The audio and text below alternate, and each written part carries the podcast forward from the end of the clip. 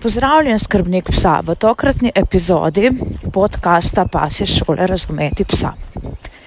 Tokrat želim postaviti v ospredje uh, temo, o kateri sem govorila že v prvi sezoni podcasta. Takrat sem govorila namreč v eni izmed epizod, pa si jo lahko poslušaš nazaj, o subtilnem izzivanju med psi. Danes se bom dotaknila, poudarek dotaknila, teme aktivnega izzivanja med psi. To pomeni reaktivnost psa, ki se kaže na zven tako, da pes pač laja, se zaganja v drugega psa. In zakaj o tem govorim? Zato, ker moj pes Titanium, hudo breg, je star dve leti in na vsakem sprehodu na katerem srečava psa, v 99 primerih, da ne bom rekla v 100, ampak v 99 primerih situacij, psi vanj lajajo in se zaganjajo.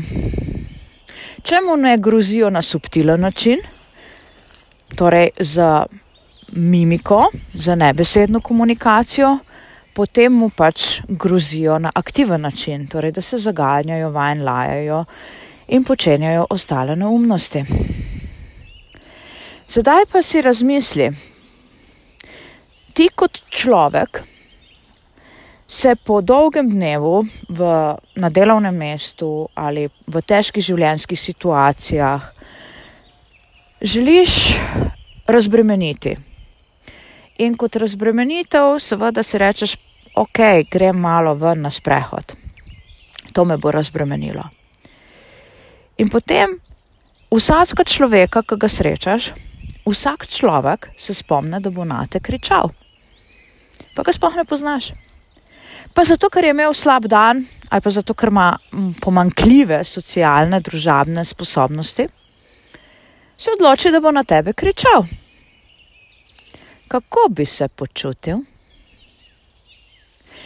Torej, kako misliš, da se moj pes počuti, ko že dve leti svojega življenja vse, kar doživlja v okolju, ko se srečuje z drugimi psi, je to, da v 99% je tarča lajanja, grožen nelagodja. Ti povem, da ga občudujem, namreč svojega psa, da je toliko stabilen, da sedaj, do sedaj, do tega trenutka, še ni pokazal nobenega feedbacka. Torej, on je v teh situacijah zmeraj umirjen. Hm. Ja, Pa imajo potem pravico vsi ti psi najn lajati in se izživljati? Hm, seveda je nimajo. Pa je kriv pes? Seveda ni kriv pes, ki laja. Daleč od tega, da je kriv pes. Ampak ali je prav, da se to nadaljuje? Ne, ni prav, da se to nadaljuje. Ker ti pri nekomu, lahko zadeva pride do roba in ko se bo razlila čez rob, v kinološkem žargonu temu rečemo, da je pes stopil v rdečo cono, da enostavno ne zmore več oziroma da tega matretiranja enostavno več ne bo toleriral. In potem se zgodi, da končam s psom, ki ima 40 kg in več, in postane reaktiven. Hm. Ni enostavno življenje s takim psom, če bi se to slučajno zgodilo, in se ga raje niti ne predstavljam. Sedaj pa naslednja zadeva. Kako to, da moj pes v vseh teh negativnih interakcijah, mislim, mimo hodi, se niso interakcije, ohranja svojo stabilnost. Kako? Tako, da jaz z njim sodelujem.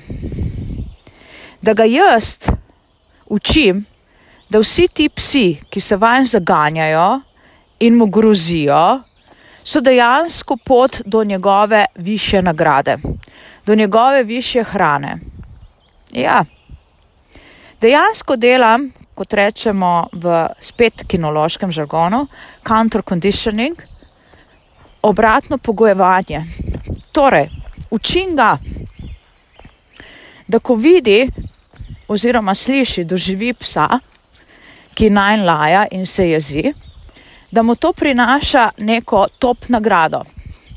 In on ima te pse povezane s top nagrado. Pa mu je zato fajn, da se to dogaja? Ne, ni mu fajn, da se to dogaja, zato ker mi to izraža s telesno mimiko.